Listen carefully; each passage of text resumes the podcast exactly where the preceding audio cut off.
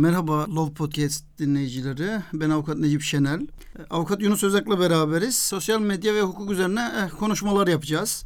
Bildiğimiz kadarıyla, dilimizin döndüğü kadarıyla size aktarmaya çalışacağız. Kendi görüşlerimizi iletmeye çalışacağız. Gelen tepkilere göre sonraki haftalarda sizin görüşlerinizi de duymak isteriz. Öyle bir platformumuz varsa eğer geri dönüşleri de görmek, duymak isteriz. Sorularınızı almak isteriz. Avukat Yunus Özak bu konularda detaylı çalışan, istatistikler tutan, veriler sunan bir meslektaşımız. Kendisinden çok istifade ediyorum. Kendi paylaşımlarından da çok istifade ediyorum. Kendisine şunu sorarak başlamak istiyorum. Tabii ki. Sosyal medya nedir? Çok kullanıyoruz ama sosyal medya nedir? Çok geniş bir soru sordun ama ben bunu daraltacağım. Nasıl daraltacağım? Sosyal medyanın hukukla ilişkisini ve bileşkesini anlatmaya çalışacağım. Malumunuz avukatlar ve hukukçular özellikle Twitter özelinde oldukça popüler figürler.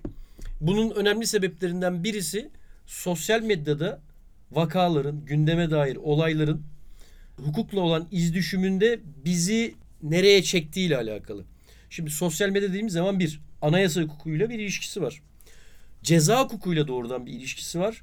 Bireysel özgürlüklerle ilişkisi var. Suç ve ceza ilişkisine dair çok önemli veriler bize sunuyor. Hepimizin anayasa hukukundan bildiği normlar hiyerarşisine ilişkin bize söylediği bir takım doneler var.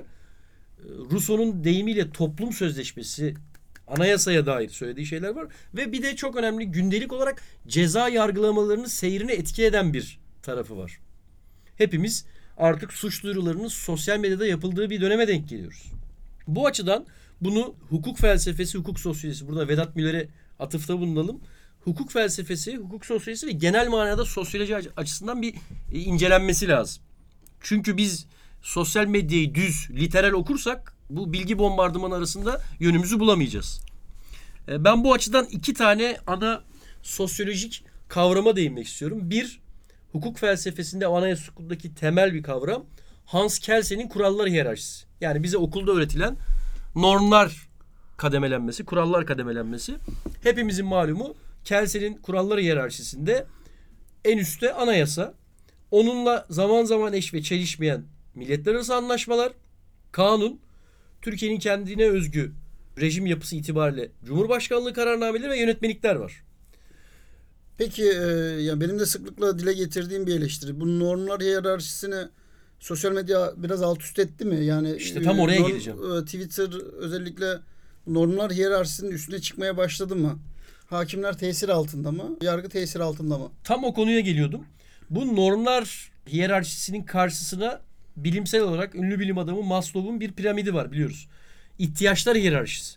Bu ihtiyaçlar hiyerarşisi yani aslında hukukla hayatın kesiştiği nokta bu. Bu ihtiyaçlar hiyerarşisinde biliyorsun ilk fiziksel ihtiyaçları vardır. Sonra güvenlik, sevgi, saygı, kendini gerçekleştirme. Şimdi hukuktaki normlarla hayatın kendi normları ve ihtiyaçları kesiştiğinde sosyal medya bu bileşkeye öyle bir nüfuz etti ki bu piramit ve normlar hiyerarşisi tam anlamıyla tepe taklak oldu. Yani Twitter özelinde sosyal medya klasik anlamda bu normların içine sızdı ve bunlar arasındaki bağları ve ilişkiyi alt üst etti. Bu açıdan sen bunu şey olarak da algılayabilirsin. Basit bir ceza yargılamasında sosyal medyada yaratılan infialle soruşturmanın ve kovuşturmanın seyrinin tamamen değiştirmesi olarak da görüyoruz biz bunu günlük yaşamda. İnsanların orada geçirdiği vakitle ihtiyaçları hiyerarşisinde değiştiğini görüyoruz. Yani bir insan günde 7-8 saat sosyal medyada vakit geçiriyorsa bu ihtiyaçlar hiyerarşisinin tam anlamıyla alt üst olduğu anlamına gelir. Senin soruna açtığın alandan gideyim. Mesela Twitter'da böyle bir dataya henüz ulaşamadık biz. Ben birazdan datalar vereceğim ama bu data bende yok. Gözlemle şunu söyleyebilirim. Sosyal medyada en çok hangi hukuki ve cezai olaylar gündeme geliyor? Bir, kadına şiddet. İki, çocuklara ve küçüklere şiddet. istismar. Üç, çok önemli bu da hayvanlara şiddet. Şiddet bir kere ön planda. Bunu bir cebimize koyalım. İki, yine şiddetin bir açılımı cinsel şiddet ve saldırı. Bunlar da çok ön planda. Üç, gündelik yaşamda olan ihlaller. Yani basit bir kabalıktan tut trafikte yaşanan ağır bir ihlale kadar. E, sosyal medya bir anda fiziksel hayatta yani offline ve online kimlik açısından tam anlamıyla hayatımızın temeline oturdu. Bu açıdan buradan istersen şuraya da gelebiliriz. Belki sana da ben buradan topu atayım. Senin çünkü Twitter'da bize hediye ettiğin bazı kavramlar var. Mesela bir, Twitter'ın yargılama ve soruşturma kovuşturmaları etkisini konuştuk. Bir kere Twitter artık bir ceza mahkemesi işlevi görüyor. Bunu birebir yaşıyoruz. Senin hatta ortaya attığın senden önce kullanan görmediğim için. Yani sana burada bir taltif veya seni Güzel. takdir etmek anlamında değil ama Twitter ceza mahkemelerinin kurulduğunu görüyoruz. Twitter ceza mahkemeleri usul kanunu tabi bir sanal bir alem belki ama fiziksel hayata çok ciddi etkileri oluyor. 24 saat 365 gün esasına göre çalışan yetki ve görev sıkıntısı olmayan sürekli işleyen bir yargı mekanizması. Bu Türk hukukunda ve dünyada e, literatürde böylesine güçlü, yetkileri sonsuz, sınırsız, etkileri de sonsuz ve sınırsız olan bir mahkeme kurulmamıştı mesela. Bu konuda senin görüşlerin neler? Benim görüşlerim yanlış olabilir diye başlayayım. Çünkü ben hukukçu gibi bakıyorum ve e, hukukçu gibi baktığımda genel e, kanaatin, vatandaş kanaatinin aksine düşündüğümü görüyorum.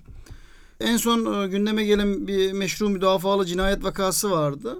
Orada çok enteresan şekilde Change.org'da imza kampanyası başlatıldı.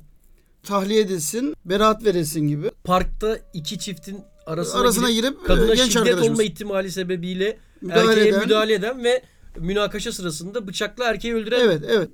Büyük tepkiler geldi vatandaşlardan. Vicdanen insan olduğumuz için, hukukçu olmamızın yanında insan olduğumuz için biz de rahatsız olduk tabii tutuklanmasından, gözaltına alınmasından. Fakat Change.org'da veya imza kampanyalarıyla veya halkın oylamasıyla kararlar alınması e, bir hukukçu olarak bana çok tehlikeli geliyor. Nereye gideceğini kestiremiyoruz. Vatandaş açısından bakarsam da bizim mahkemelerimiz dünyadaki diğer mahkemelerde hemen hemen öyle. Millet adına karar veriyor. E, millet bu cezayı istiyorsa veya millet cezalandırılmamasını istiyorsa çoğunluk olarak bakacağız yine çoğulcu demokrasi olduğunda cezalandırılmamasını istiyorsa o zaman biz hukukçular haksız mıyız? Yanlış yerden mi bakıyoruz diye düşünüyorum. Ama benim orada görüşüm net.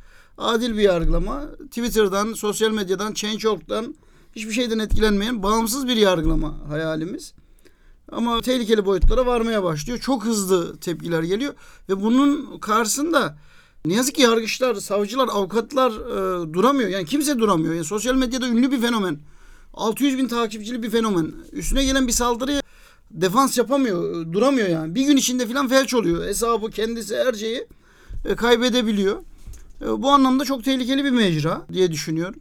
Tabii sadece olumsuzluklarından bahsetmeyelim değil mi? İstersen şöyle birkaç kavram ortaya atayım. Tam böyle somut çünkü bizim Türkiye'deki tartışma kültürümüzde somut olaylar e, soyutlama yeteneğimizin hep önüne geçiyor. Sürekli benzer olayları yaşayıp buradan ilke ve prensipler çıkaramadığımız için her olayda taraflar ikiye ayrılıp tartışma artık bir müzakereden ziyade kakafoniye dönüyor. Ben senin müsaadenle birkaç kavram ortaya atayım. Birkaç da e, literatürden isim vereyim. Bunlar üzerinden senin yine ürettiğin bazı kavramlara değinelim. Olur mu? Şimdi benim görebildiğim kadarıyla sen bana ilk başta şunu sordun. Sosyal medya nedir? O zaman sosyoloji üzerinden ve insan psikolojisi üzerinden şöyle bir tarihsel seyirden birkaç kavrama yer vereyim ben. Şimdi Türkiye'nin bugün içinde bulunduğu bu hercümerç, bu kaosu sadece Türkiye yaşamadı. Dünyada birçok toplum zamanında yaşadı, hala yaşıyor. Buna ilişkin dünyada bu tip toplumları okuyan önemli sosyologların bir takım kavramları var. Birincisi belki bizim de hukukçuların hukuk felsefesi derslerinden hatırladığı sosyoloji derslerinde de Durkheim. Fransız sosyolog, ünlü. Bu Fransız sosyoloğun ortaya attığı çok önemli bir kavram var. Anomi. Anomi ne? Herhangi bir ülkede belli bir zaman aralığında toplumsal denge ve bütünleşmenin bozulduğu durumlarda ortaya çıkan bireysel davranışlardaki normlara ve kurallara uymama durumu. Yani toplumda bir kargaşa ve kaos oluyor. Bu kargaşa ve kaos sırasında insanlar normları ve kuralları yıkıyorlar. Yani barajın setleri tamamen yıkılıyor ve bunun karşısında kolay kolay da kimse duramıyor. Durkheim'dan sonra yine bir Amerikalı sosyolog Merton isminde bir isim Durkheim'in anami kavramını geliştirmiş. Demiş ki toplumsal kültür açısından kabul gören hedeflere ulaşmada yani bir hukuk fakültesi öğrencisi mezun olunca ne yapmak ister? İyi bir işe sahip olmak ister. Bir statüye sahip olmak ister. Bu meşru hedeflere ulaşmada bireylerin bu hedefe ulaşırken gerekli kurumsal meşru yolları ve araçları kullanamaması. Yani bugün Türkiye'de nedir? Başına bir olumsuzluk geldiği zaman ilgili kişi mahkemeye gittiği zaman mahkemeden basit bir prosedürle istediğini alamıyor. Ya Twitter ceza mahkemeleri sabah kalktık ve Kafka gibi bir böceğe dönüşmedik biz. Bu Twitter ceza mahkemeleri belki irite edici bir kavram ama insanların toplumsal anomi sebebiyle geldikleri bir bir nevi katarsis, bir arınma. Bu açıdan birazdan senin zaman zaman çok değindiğin bir konuya da geleceğim. Orayı ben gireyim istersen. Gir. Beraber geliştirdiğimiz veya şekillendirdiğimiz, isimlendirdiğimiz bil- bir şey bulduk belki. Bilimsel bir veri. Başka bir Olabilir. bilim insanları bunu bir incelesin. Çizgi romanlardaki Batman'in girdiği, iş dünyasında girdiği tartışmalara e, benzetiyorum Twitter'ı, Twitter alanını. Ve Batman'in Gotham'daki rolüne benzetiyorum sosyal medyayı. Şehirde suç almış başını gitmiş. Şiddet, kaos. Şiddet, kaos almış başını gitmiş. Yargı yetersiz.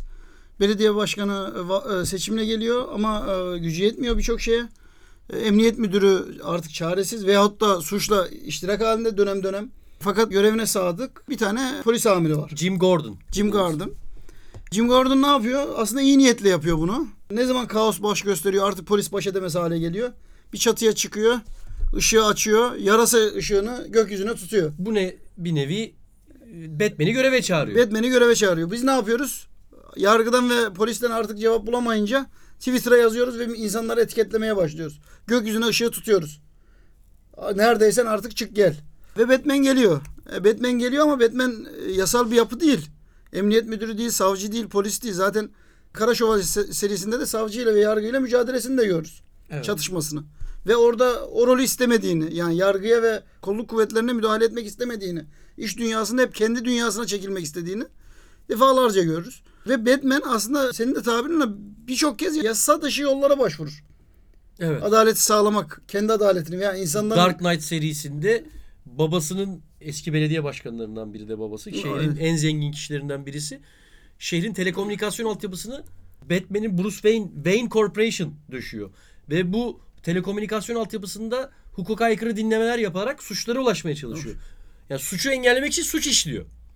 Bunun gibi mesela evet. yani mahkeme kararı olmadan herkesi dinliyor. Bütün şehri dinliyor aslında. Bütün şehrin hakimi Evet. gibi. Twitter'da hepimizi dinliyor aslında. Orada başlıklardan işte taciz, tecavüz, şiddet, ölüm başlıklardan hepimizi dinliyor. Ve birdenbire sanki özellikle o haberler yukarıya doğru çıkmaya başlıyor.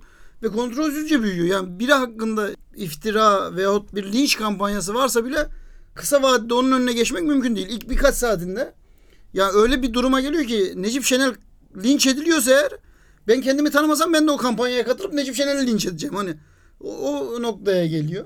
Ve bu lincin neye bağlı olduğu da belli değil. Yani bir Kıvılcım. Kıvılcım bir nokta yakalıyor insanlar ve oradan ilkel toplumlarda e, ve orta çağ toplumlarında cadıların taşlanması mevzuna dönüyor birdenbire. Cadı avına dönüyor. Cadı avına dönüyor. Yani suçlu da olabilir taşlanan kişi ama Tam burada bir kavramla senden topu alayım ben. Sen dedin ya artık bu linç veya adalet, hayal kırıklıkları, bütün o duygular boşalıyor bir toplumsal katarsis yaşıyoruz. Burada sosyal medya e, yine bizim kamu hukuku derslerinden bildiğimiz bir isim var. İngiliz bir düşünür Thomas Hobbes. Hobbes'un meşhur 1651'de kaleme aldığı bir kitabı var. Leviathan yani literatürde ejderha olarak geçer. Thomas Hobbes tam bu senin Gotham Batman alegorisinde anlattığın gibi doğal ortamda insanın ki onun önemli bir lafı var. Homo homini lupus, lupus. Yani insan insanın kurdudur der. Doğal ortamda insanın hukuksuzluğa ve şiddete yöneldiğini, özgürlük ve güvenliği satın almak için tüm yetkilerini bir egemene devrettiğini anlatır Hobbes. Bizim kamu hukuku derslerimizdeki temel argümanlardan biridir. Bu Leviathan kutsal kitaplarda da geçen büyük bir balıktır. Balık balina aslında bir kere rahatsız edildiği zaman bir daha hiçbir şekilde durdurulamayan bir kaosun imgelemine dönüşüyor. Bu kaosta biz yönümüzü bulmak için tüm özgürlüklerimizi ve tüm duygularımızı Twitter'a emanet ediyoruz. Bir egemene emanet ediyoruz. Eskiden bu devletti. Tüm yetkilerimizi verip e, adaleti sağlayacağını düşündük. Bugünse insanlar belki de kurulu sistemden bir umut ve ümit besleyemedikleri için tüm yetkilerini ve tüm içerikleriyle birlikte o an içerisinde Twitter'a devrediyorlar ve Twitter eşittir Leviathan yani ejderha bütün kaosu ve adaleti düzenliyor. benzer bir şey yanlış hatırlamıyorsam Viking mitolojisinde de var. Orada da düzen bozulduğunda bir canlı balık veya balina olabilir veya daha büyük bir yaratık. Düzen bozulduğunda işler çığırından çıktığında gelip her şeyi yıkıyor. Toru her şey yani da- tanrıların tanrısı daha büyük bir şey. Daha büyük bir kavram. Orada da öyle bir kavram var. Yani düzeni koruyun. Vikingler bunun üstüne yaşıyor. Düzeni koruyun. Ee, onların asıl hedefi düzeni korumak. Güneşin doğması, iklimler, düzen korunmalı. Düzen bozulduğu an e, biri geliyor ve feci dağıtabiliyor. Evet. işte tam buradan devralırsak şimdi çizgi romanlardan da aşina olduğumuz bir kavram var. Çizgi roman evreni deriz. Twitter evrenini de tanımlarsak biraz önce sen bahsettin. Burada aktörler kimler? Yani sosyal medyada hukuki anlamda hangi aktörlerden bahsediyoruz? İçerik üreten hesap sahibi insanlar hem yargıç, hem savcı, hem fail, hem mağdur, hem de jüri. Şimdi bizim Türk hukuk sisteminde ve Anglo-Sakson sistemleri dışında dünyanın genelinde jüri sistemi yok. Kararı hakimler verir, süceler, özneler, devleti temsilen savcı, toplumu temsilen avukattır. Kamu ve toplumun bir arada buluştuğu bir yargılama sisteminden bahsederiz. Fakat Amerikan hukukunda aşina olduğumuz bir jüri sistemi vardır. Türkiye'de belki de yargılamalarda eksiğini duyduğumuz veya zaman zaman belki de fazla gördüğümüz jüri sisteminin ben e, Twitter evreninde, Twitter kamuoyu üzerinden Türkiye'de yaratıldığını düşünüyorum. Tabii ki adaleti sağlamıyor. Çünkü bu jüri çok kolay etkilenebiliyor. Çok duygusal. Bilgi bombardımanıyla genetik olarak bu kadar bilgi akışını kaldırabilecek bir genetik kapasiteye sahip değiliz insan olarak. Sürümümüz yani teknoloji tabiriyle buna uygun değil. Ve bu Twitter jürisi, Twitter kamuoyu ilginç kararlar veriyor. Zaman zaman adalet üretebiliyor. Taraflardan bazıları tatmin oluyor. Çokça da zulüm ve kaos üretiyor. Ş- şöyle diyebilir miyiz? Bütün toplumun katıldığı bir reality show. İsteyen herkesin katıldığı değil. İstemeseniz Jim dahi. Carrey'nin filmi neydi? E, Truman Show. Evet. e, istemeyen herkesin de katıldığı. Yani hiçbir şekilde sosyal medya hesabı Daha doğrusu açmıyorsunuz. herkesin önüne katıldığı bir Katı- sel bu yani. Hiçbir şekilde sosyal medya hesabı açmıyorsunuz. Twitter'ınız yok, Instagram'ınız yok, hiçbir hesabınız yok. Fakat birdenbire e, bir hareketiniz yolda geçerken biri videonuzu çekiyor ve o video dönmeye başlıyor. Bütün kanallarda, YouTube'da, Twitter'da birdenbire bakmışsınız o reality show'un parçası olmuşsunuz. Kullanmasanız bile. Ve dediğin gibi roller de değişiyor. O reality show'un içinde bir gün hakimken öbür gün sanığa dönüşebiliyorsunuz. Bir gün jüri olabiliyorsunuz. Bir gün mağdur. Ee, yani evlilik programlarının tüm Türkiye'ye veya tüm topluma yansımış bir karşılığı gibi. Mikro düzeyde tam anlamıyla onun bir resmi. Herkes her şey hakkında yorum yapabiliyor rahatlıkla. Engel yok, durdurabilecek bir şey yok. Ve kontrolü nasıl olacak şu an kestiremiyorum. Şimdi tam burada istersen bizim e, kendi mesleğimize özgü kısmına dönelim ve olayı biraz daha mikro bir seviyeye çekelim. Peki avukatlar Twitter'da neden bu kadar popüler? Ben bir giriş yapayım sonra e, senin uzmanlık alanın. Çünkü popüler olan sensin. Estağfurullah. Şimdi teknik bilgi ve statüsü ile Twitter'da hassasiyeti yer yer derinleştiren, yer yer bunu sadece olumsuz manada söylemiyorum. Manipüle eden, düzenleyen yani işaret fişeğini atanlar genelde avukatlar. Ama avukatlar alışık olduğumuz gibi adliyede ve işte cübbeli ofisinde takım elbise değil. Burada tam anlamıyla dijital bir aktivistler. Bu dijital aktiviste de bir değer yargısı vermiyorum. Olumlu sonuçları da var, olumsuz sonuçları da var. Fakat toplumun sosyal medyada uzman görüşüyle spesifik olarak işaret fişeğini atmasını beklediği kişi genelde hukukçular oluyor. Bu hukukçuların bazen meslek ihlallerine varacak içeriklerini görüyoruz. Bazen çok yerinde değerlendirmeler yapıyorlar. Avukat da olabilirler, akademisyen de olabilirler ama Twitter'da hukuki konuları ve cezai konuları genelde başlatan, derleyip toparlayan, farklı bir mecraya çekenler bu dijital aktivist avukatlar oluyor. Yani Ne diyorsun sen? İnsanların içi de tatmin edemediği adalet duygusuyla ilgili diye düşünüyorum. Bana da çok fazla mesaj geliyor. Biz süper kahramanmışız gibi olur olmaz yere beni etiketliyorlar. Adalet Bakanı ile beraber etiketleniyorum. Yani ben kimim? Sıradan bir kullanıcıyım. Sıradan bir avukatım. Ergün Kazanır diye anonim bir profilde arkadaşımız var. Kendisi avukat. Çok da başarılı bir profil bence. Hı hı. Ee, mizah içerikli. Her yere etiketliyoruz. Yani bir süper kahraman bekliyorlar arkadaşımızdan. Bu mümkün değil. Elbette e, meslek sosyal bir meslek olduğu için ve hayatın yansıması olduğu için sosyal medya avukatlar orada daha fazla rol çalıyor. Günlük hayatta da öyle değil mi? Bir avukat e, genel bir kalabalığın içine girdiğinde daha fazla rol çalmaya çalışır, daha fazla konuşur. Çünkü çok fazla insanla ilişki içindedir. Bir bilgisayar mühendisi çok daha zeki, çok daha kabiliyetli olabilir ama kaç kişiyle kontak halindedir? Bir avukat onlarca, yüzlerce kişiyle bir kontak halinde, e, bilgi alışverişi halinde. Ve günlük hayatta da zaten ekstra sosyal olmak zorunda. Sosyal medyaya geçince de bu sosyallik yansıyor ve karşılık buluyor. Fakat süper kahraman beklentisi ben dahil bütün hukukçulara ağır bir yük. Kimsenin böyle bir gücü yok. Değiştirmeye Bu gücü yok. kostüm içinde ve Ee, rol içinde eziliyoruz. eziliyor- yani. e, İnsanlar her şeyi mesaj atmaya başlıyor. Her, her hukuksuzlukta mesaj atmaya başlıyor. Hesap büyüdükçe. Böyle bir gücüm benim yok. Olan hukukçu da yok. Emin olsunlar Yargıtay Başkanı'nın da yok. Adalet Bakanı'nın tek başına kendisinin de yok. Böyle bir güç daha komplike, daha karışık kararlar alınması. Yani adalet sistemindeki arızalar bu şekilde düzelmez. Tek tek işaretleyerek, etiketleyerek düzeltemeyiz. Daha bilimsel çalışarak, sosyal medya dışında çalışarak e, düzeltilebilir. Birazdan ona da geleceğiz. Bu konuda sosyal medyanın regülasyonu anlamında değil de avukatların oluşturduğu içerikler ve bunun bara regülasyonlarıyla nasıl düzenlenebileceğini de konuşacağız. Bu mesela Türkiye'de şu an konuşulan bir şey değil. Tabii ki konuşuluyor da e, çözüm önerisi anlamında konuşulmuyor. Ona ikinci kısımda geleceğiz. Ben sana şunu söylemek istiyorum. Benim senden e, ilham alarak düşündüğüm bir konu var. Şimdi biz sen de ben de 2000'li yıllarda öğrenciydik. Sen 2000'li yılların ilk yarısında mezun oldun. Ben ilk yarısında üniversite hayatıma başladım. İkinci yarısında 2008 yılında ben mezun oldum. Biz o zaman üniversitede, derslerde veya sosyal ortamlarda çok temel bir kavramı tartışırdık. Yargının siyasallaşması. Fakat ben bugün sosyal medya ile birlikte şunu tartıştığımızı görüyorum. Kavram olarak benim aparttığım bir kavram ama yerleşir mi yerleşmez mi bilmiyorum. Toplumun yargısallaşması.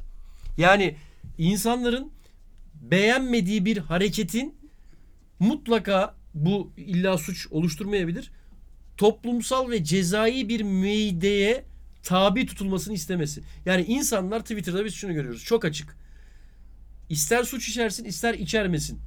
Yanlış bir tutum veya tavır takınan bir kişi cezalandırılmalı. Toplumsal bir histeri bu toplumsal yargısallaşmayı doğurur. Buna ne diyorsun sen? Yani kaçınılmaz ve çok tehlikeli görüyorum. Şöyle e, sosyal medya üzerinden baktığınızda herkes haksız tutukluluğa veya uzun tutukluluklara karşı ve tutukluluğun istisna olduğunu düşünüyor.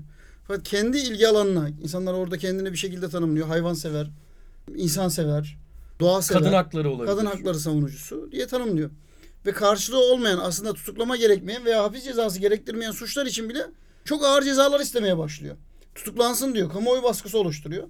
Çok basit bir örnekti. Kameralarda gözümüz gördü diye söylüyorum. Zannediyorum Mersin tarafında bir olaydı. Çocuklar kavga ediyor. Bir tanesinin babası veya amcası geliyor. Diğer küçük çocuğa tokat atıyor. Bir şiddet vakası var mı? Var. Kınıyor muyuz? Kınıyoruz. Eleştiriyor muyuz? Son, sonuna kadar eleştiriyoruz. Tabii ki. Tutuklanmalı mı peki? Bildiğimiz hukuk sistemine göre, öğrendiğimiz kanunlara göre. CMK yüze göre. Tutuklamayı hayır. gerektirmeyen bir hal. Ama Twitter'da gündem olduktan sonra ertesi gün bu şahıs tutuklandı mı? Tutuklandı. Hayvansever profiller. Diğer kimse hayvansever değil gibi. Yani bir, aslında biz de hayvanseveriz. Ama kimliğimiz sadece bunun üstüne kurulu değil.